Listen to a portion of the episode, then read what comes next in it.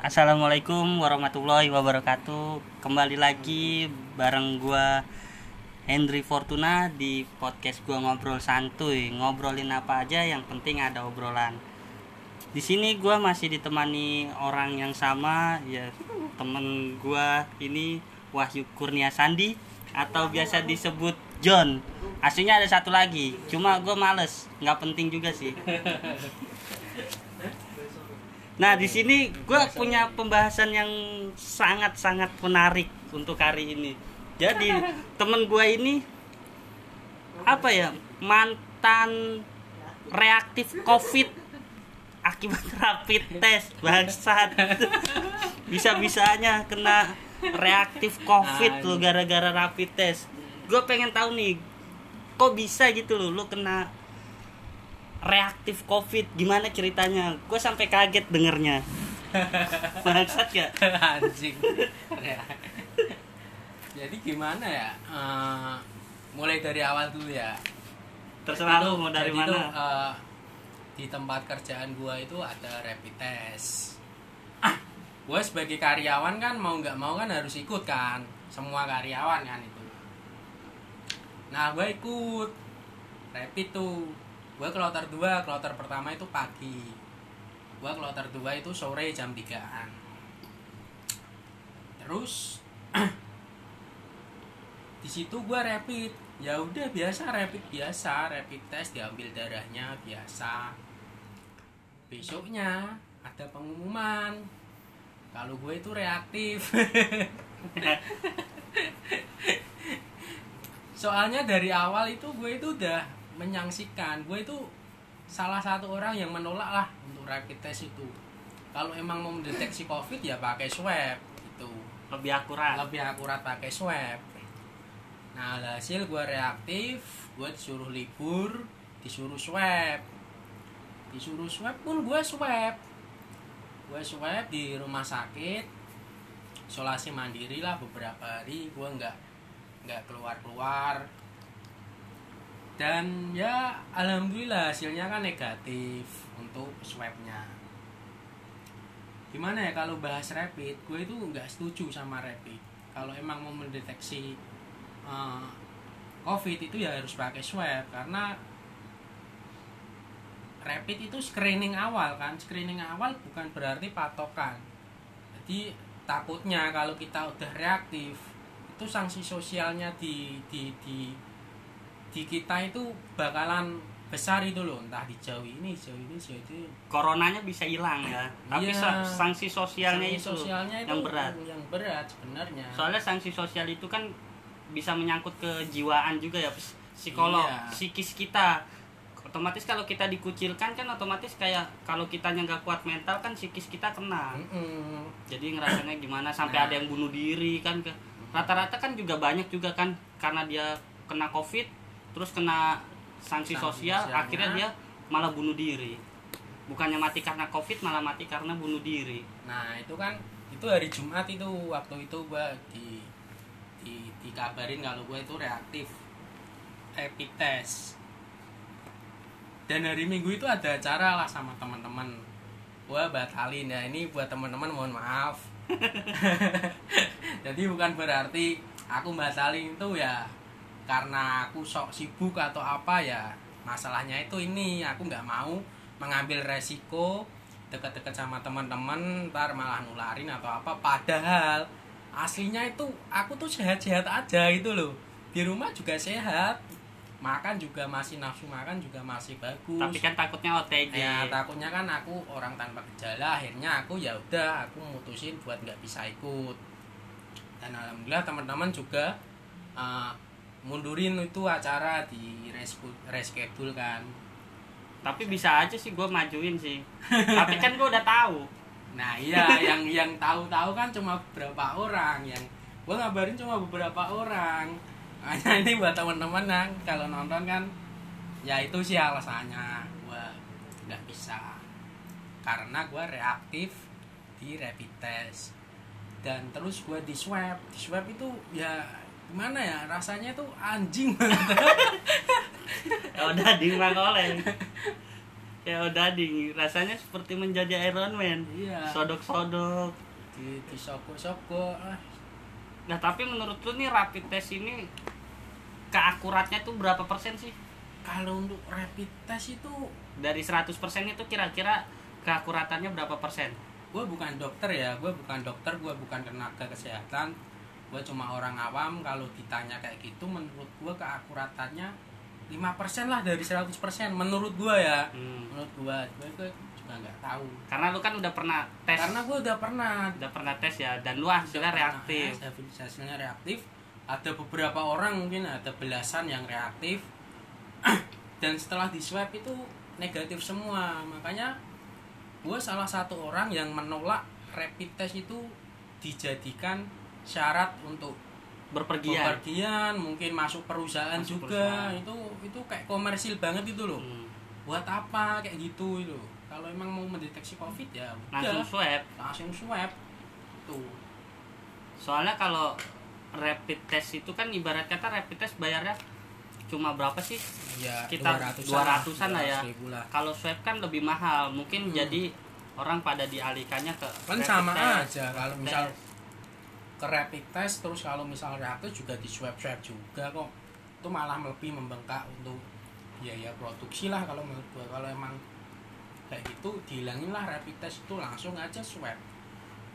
Berarti kan yang udah rapid rapid test ini nih misalkan banyak nih yang udah rapid test dan hasilnya itu non reaktif nah berarti kan non reaktif itu belum tentu belum juga tentu. dia negatif kan? Iya bisa jadi tentu. dia bisa jadi positif. dia malah positif. Nah makanya itu menurut gua rapid test itu kayak komersil banget loh. Itu dijadikan apa namanya bisnis lah menurut gua. Bisnis ya? Bisnis. Itu bener juga sih. bener-bener bisnis lah. Lu lu apa lu hitung aja lah kalau misal satu perusahaan punya 500 karyawan semuanya di rapid test Kali rapid 200. kali 200 ribu itu berapa itu? Ya hampir Duit 100 itu. jutaan kan. Kan eman-eman itu loh. Kalau emang mau mendeteksi swab ya lebih baik ya di eh mendeteksi covid lebih baik swab. Kalau rapid menurut gua cuma dijadiin bahan lah untuk apa? Komersil. Tapi kan di masa pandemi ini kan eh, pemasukan juga lagi susah. Otomatis kan orang daripada buat swab kan lebih baik buat kehidupan sehari-hari buat makan buat jajan atau buat yang lainnya. Nah maka dari itu orang memilih untuk rapid test walaupun rapid test itu belum tentu keakuratannya itu tepat Nah, nyatanya makanya- lu reaktif aja ketika swab jadinya non reaktif jadinya hasilnya kan negatif Nah itu makanya kan gue udah pernah apa berbincang-bincang lah sama teman gue yang kena tenaga kesehatan. Virus itu sebenarnya COVID itu ada. Gue percaya lah COVID itu ada. Tapi gue gak percaya kalau COVID itu semenakutkan yang diberitain. Gue gak percaya kalau itu. Jadi ya saran-saran yang bisa dikasih sama teman gue yang pertama satu tetap cuci tangan tetap jaga protokol kesehatan itu perlu banget. Selalu Itu jaga perlu kebersihan. selalu jaga kebersihan dan janganlah untuk kumpul-kumpul. Kalau misalnya nggak penting-penting banget itu jangan. Gue merekomendasikan jangan karena emang virus itu ada tidak menakutkan. Tapi cara penyebarannya itu cepet banget Cepat. gitu loh. Hmm. itu itu yang yang yang bikin corona itu kayak heboh banget. Nah itu cara penyebarannya itu dibanding virus lain mungkin kayak flu atau mungkin TB itu lebih cepat corona. Tapi kita juga dulu kita dulu pernah kena punya wabah flu burung. Kita juga pernah. Iya pernah. SARS kita juga pernah. Flu babi. Tapi kan dulu kan media belum se seluas ini loh Nah, belum itu. gampang diakses nah bedanya makanya kalau pas zaman zaman dulu musimnya SARS Hmm. flu burung itu tuh kita bisa dapat berita itu cuma dari TV Hmm. radio paling apa koran kalau sekarang kan media bener-bener wah Dibuka meluas luas banget lah kan. siapa aja tuh bisa mengakses Nah, jadi itu. kita buka main main game aja ada berita ini kita main buka YouTube aja kadang ada berita ini Nah, Instagram terlepas dari itu. Gue setuju gue pernah baca pendapat dari Prabowo Subianto. Gue pernah baca gini Indonesia itu memang butuh pemimpin yang sedikit otoriter. Gue setuju sama dia sedikit otoriter bukan otoriter banget. Dalam arti janganlah dibuka seluas mungkin. Ada harus ada batasan-batasan oke bebas bebas. Cuma jangan sampai seliberal. Ya Itu. sampai liberalisme. Jangan jangan. Masih ada batasan-batasan. Kita kan eh, ideologi kita kan pancasila ya bukan liberalisme kan. Nah, kalau bisa ya oke bebas bebas. Cuma jangan sampai kebebasan. Nah itu harus ada batas-batasan tertentu. Gue setuju sangat setuju sama pendapat itu. Makanya untuk media-media ya kalau media abal-abal atau apa gue lebih setuju di dihapus di bredel aja nggak masalah. Oh, tapi dengan catatan media itu abal-abal. Tapi kan media-media sekarang zaman sekarang ini kan punya orang-orang terkenal di belakangnya itu. Orang-orang ternama. Nah itu harus ada undang-undang mungkin ya yang mengatur media itu harus mempunyai ini ini ini. Mungkin gua nggak nggak terlalu tahu kan tapi gue setuju kalau misal media itu dibikin undang-undang terus juga cara penyebarannya ya seperti itulah intinya. Jangan sampai kebebasan itu sebebas-bebasnya itu sih. Ya kemajuan teknologi juga ada ada minusnya Batasan, ada plusnya iya. juga jadi ada kelem- kelebihannya ada kekurangannya juga. Nah kelebihannya ya kita bisa tahu lah. Tahu segala macam seluruh dunia bahkan seluruh dunia kita Iya, bisa tahu. bisa tahu cuma dari karena kamar internet dari ya. dari kamar pun dari mana pun bisa. Nah tapi kelemahannya itu kita bisa terdok terdok apa terdoktrin terdoktrin sama hal-hal hoax kayak gitu juga Itu- bisa. itu- nah jadi yang lebih yang bikin menakutkan itu sekarang itu bukan bukan kayak virusnya tapi medianya. medianya yang bikin bener-bener wah kayak Iya, wah rata-rata- mengheboh-hebohkan gitu loh. Apalagi di grup WhatsApp WhatsApp keluarga itu itu banyak banget tuh om-om terus tanda-tanda kan nyebarin hal-hal yang menurut gue ini apa sih ini apa sih gitu kan. Kayak contoh kayak nyebarin kamu klik ini bakalan dapat hadiah ini ini, ini. itu kan udah pasti hoax kan tapi untuk orang-orang yang mungkin lanjut usia dia belum tahu. Nah makanya untuk anak-anak muda ini ya kalau bisa janganlah untuk nyebarin hal-hal yang kayak gitu Nah, balik lagi ya ke rapid test. Rapid test ini gue pernah kan kalau orang mau berpergian kan harus ada surat Hmm. rea- rapid test itu ya apa ya yang menyatakan kalau dia itu sehat sehat apa negatif covid. aktif covid Gue pernah baca tweetnya di Twitter. Jadi ada cewek ketika itu dia mau pergi ke mana itu ke salah Hmm. satu kota. Nah dia disuruh rapid test, suruh rapid test suruh rapid test. Nah ketika rapid test hasilnya hasilnya positif. reaktif, reaktif. ya reaktif hasilnya reaktif nah Terus? terus dokternya itu Dokternya? dokternya itu bilang ayo kamu bisa mau pergi ke sana nggak apa-apa nanti hasilnya diubah hasilnya saya ubah Nah. tapi kamu bayar lagi nah ketika itu dia dia kan emang nggak mau ribet ya nggak mau ribet Iya. akhirnya dia bayar Bayar. akhirnya dia bayar ditanya berapa? 1,4 1,4. nah udah bayar 1,4 nah habis itu dia dilecehkan juga. Dilecehkan juga. Dilecehkan juga. Nah berarti kan dalam tanda kutip. dalam tanda kutip di sini kan Rapid. hasil hasil Rapid. rapid itu kan bisa dimanipulatif kan? dimanipulasi. Nah, hasil manipulatif. covid ini loh. Data covid ini Data kan bisa COVID ini. dimanipulasi. Jadi kan kita nggak tahu nih mana yang benar mana yang Iya. enggak nih kita tahu virusnya ada Iya. tapi kita nggak tahu nih data yang sesungguhnya ini nih bener atau enggak bener apa enggak nih segini nih nah yang yang bikin menakutkan kan itu apalagi sekarang data-data itu bisa di bisa diakses dengan sangat mudah lah ibarat kata siapa pun bisa melihat main game aja kita ada ada Iya ini sih. data YouTube ini data nah kalau COVID. bicara bicara soal data sih rujukan kita sebagai warga negara ya otomatis data dari pemerintah kita pasti percaya nggak percaya pun data yang kita pegang pun tetap dari pemerintah kan? Otomatis walaupun kita nggak tahu data itu benar atau enggak tapi yang buat pegangan kan kita. Terlepas dari itu benar atau enggak ya kita nggak tahu. Nah soal rapid tadi kembali lagi itu cuma diajak di di dijadikan ladang bisnis buat sebagian golongan atau sebagian orang contoh kayak oknum-oknum dokter tadi oknum oknum-oknum tenaga kesehatan tadi itu loh nah kalau swab swab itu kan udah bener-bener teruji. Gue pernah baca artikel juga untuk untuk mendeteksi covid itu swab atau PCR itu data keakuratannya itu 90 sampai 95 persen. Nah untuk rapid sendiri gua gua nggak tahu ya itu berapa tapi gua tadi udah nyebut nama 5 persen kan nah untuk covid ini gua percaya kalau virusnya itu ada bener-bener ada.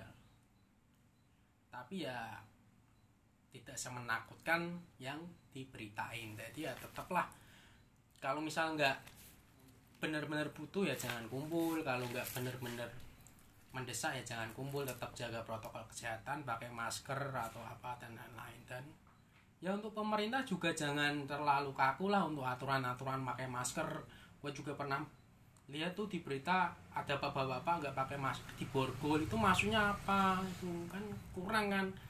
Orang nggak pakai masker doang di borgol itu lebih bangsat kan dari dari kriminal kan kalau sampai di borgol itu. Kayaknya kayaknya zaman sekarang tuh masker tuh lebih penting dari iya. yang lainnya gitu loh. Ibarat kata kayak kita naik motor nih nggak pakai helm nih. Hmm, kita nggak pakai helm nggak apa-apa. Tapi tapi kalau kita nggak pakai masker kita kena sanksi. iya. Ibarat kata gitu ibarat Hmm. kata. Gue juga ngerasa sih kalau masker itu kalau kita keluar rumah tanpa masker itu berasa minoritas sih di Indonesia. Iya bener. Berasa minoritas. Berasa anjing semua pakai masker cuma gue doang yang nggak pakai masker. Kayak gitu sih cuma ya jadi kayak ya emang itu penting sih kalau menurut gue kayaknya kebiasaan pakai masker ntar lama-lama kita terbiasa. Terbiasa jadi mau ke mana-mana itu tetap pakai masker. harus pakai masker. Jaga protokol kesehatan itu penting. Cuma ya jangan sampai jangan terlalu kaku lah. Hmm. Nah ini ini buat konfirmasi aja ya ke teman-teman yang kemarin apa namanya gua batalin acaranya ya itu alasannya gua di rapid reaktif terus gua nggak bisa gua lebih baik nunggu untuk tes atau PCR dan alhamdulillah sekarang hasilnya negatif itu tapi lu setuju nggak sih kalau misalnya pemerintah eh, menerapkan wajib memakai masker ke mana-mana? Setuju gua. Gua setuju banget. Kan apa namanya ada tuh orang tuh yang mungkin sebagian orang ya sebagian enggak enggak orang. Hmm. katanya kalau kita pakai masker itu kebebasan kita menghirup udara itu makin sedikit. Kayak kayaknya kebebasan kita Itu menghirup udara tuh anjing. di terlalu di diatur-atur gitu loh. Jadi gini ya gue setuju ke mana-mana pakai masker. Cuma dalam arti bukan harus kayak olahraga itu pakai masker itu juga nggak nggak segitu banget mungkin kalau olahraga boleh ya nggak pakai masker. Nah, soalnya kan kita gitu. napasnya juga susah kalau harus olahraga pakai masker. Nah kalau misal kayak kita pergi kayak ke jalan-jalan tempat wisata ke tempat atau ke jalan-jalan nah itu pakai masker ke mall. Itu gue setuju pakai masker. Cuma kalau misal untuk olahraga untuk ke warung ke warung deket rumah itu harus pakai masker kan juga nggak seketat itu sih. Gue setuju pakai masker cuma dengan aturan yang tidak seketat. Semua harus pakai masker. Bahkan di mobil pun harus pakai masker kan? Enggak kan? Gue pernah baca itu baru turun di mobil sendirian terus masker diturunin kena tilang 100 ribu. Nah itu kan aturan macam apa itu? Itu kan harus bener-bener di dikasih undang-undang yang jelas kan? Jangan abu-abu. Janganlah. Kayak gitu ya Nah, kalau untuk facial sendiri nih menurut lu gimana nih? Nih, nih, ini menurut gua nih orang pakai facial tuh ya gimana ya? Kayaknya goblok aja gitu kan. Kalau di luar negeri kan facial kan itu kan buat masak kan biar nggak kecipratan kan. Biar nggak kecipratan masak pakai facial itu loh pelindung muka. Nah kan kita kan yang diwajibkan kan harus pakai masker. Apa kalau kita pakai facial berarti nggak pakai masker nggak apa-apa? Hmm? Kan tetap aja kita kehirup fungsinya masker itu kan kita menyaring udara yang kita hirup biar nggak kena virus biar virusnya nempel di masker itu. Kalau untuk facial sendiri sih pemerintah sih nggak nggak terlalu menggebur-geburkan banget ya. Itu mungkin kayak orang-orang ya orang-orang sendiri yang aneh-aneh lah mungkin dia punya pemikiran kalau ada pelindung di depan muka kita mungkin virus bakalan mental atau mungkin ludah bisa ketahan nah mungkin kan pemikiran-pemikiran seperti itu Padahal kan kan yang namanya angin kan bisa dari mana Nah, aja, bisa iya. masuk lewat ini. Yang penting kan masker. Kayak artis-artis itu banyak banget itu yang pakai facial facial tuh. Maksudnya apa? Ada dosen USM juga yang kalau ketemu pakai facial. Tapi nggak pakai masker. tapi sejauh ini sih kalau corona sih entah bener atau enggak sih belum ada konfirmasi ya kita tertular itu lewat angin ya mungkin lebih ke apa namanya cipratan ludah atau cipratan bersin kita ya. Ya mungkin bisa sih kalau pakai face shield cuma dalam arti kadar untuk face shield itu me- melindungi kita dari virus itu berapa persen Berarti- dibandingkan masker. Berarti kalau, orang bersentuhan itu nggak apa-apa. eh kalau menurut gue ya itu nggak apa-apa untuk corona loh. Tapi nyatanya apa nakes-nakes itu tenaga kesehatan itu pada pakai wah pakaian Lah, itu pakai APD kan APD ketat banget itu. bukan berarti kita melindungi apa bersentuhan kita kan juga harus melindungi eh, apa cipratan ludah mereka kan kalau mereka ngomong atau apa nah itu untuk melindungi itu sih lebih ke air kalau menurut gue sih cuma gue nggak tahu sih bener atau nggak takut gue salah Berarti sama aja kayak HIV dong kalau kayak gitu. Apa? Sama aja kayak HIV, AIDS. AIDS kan itu HIV juga apaan? kan HIV kan nggak bis- nggak boleh bersentuhan juga. yang bilang HIV nggak boleh bersentuhan siapa Maksudnya kayak misal kita minum nih bekas dia nih. Itu nanti bakal tertular. itu teori dari mana lu cariin lah kalau Nah, misal itu contohnya contohnya ada nih di luar negeri nih. Contohnya di luar negeri ada nih challenge.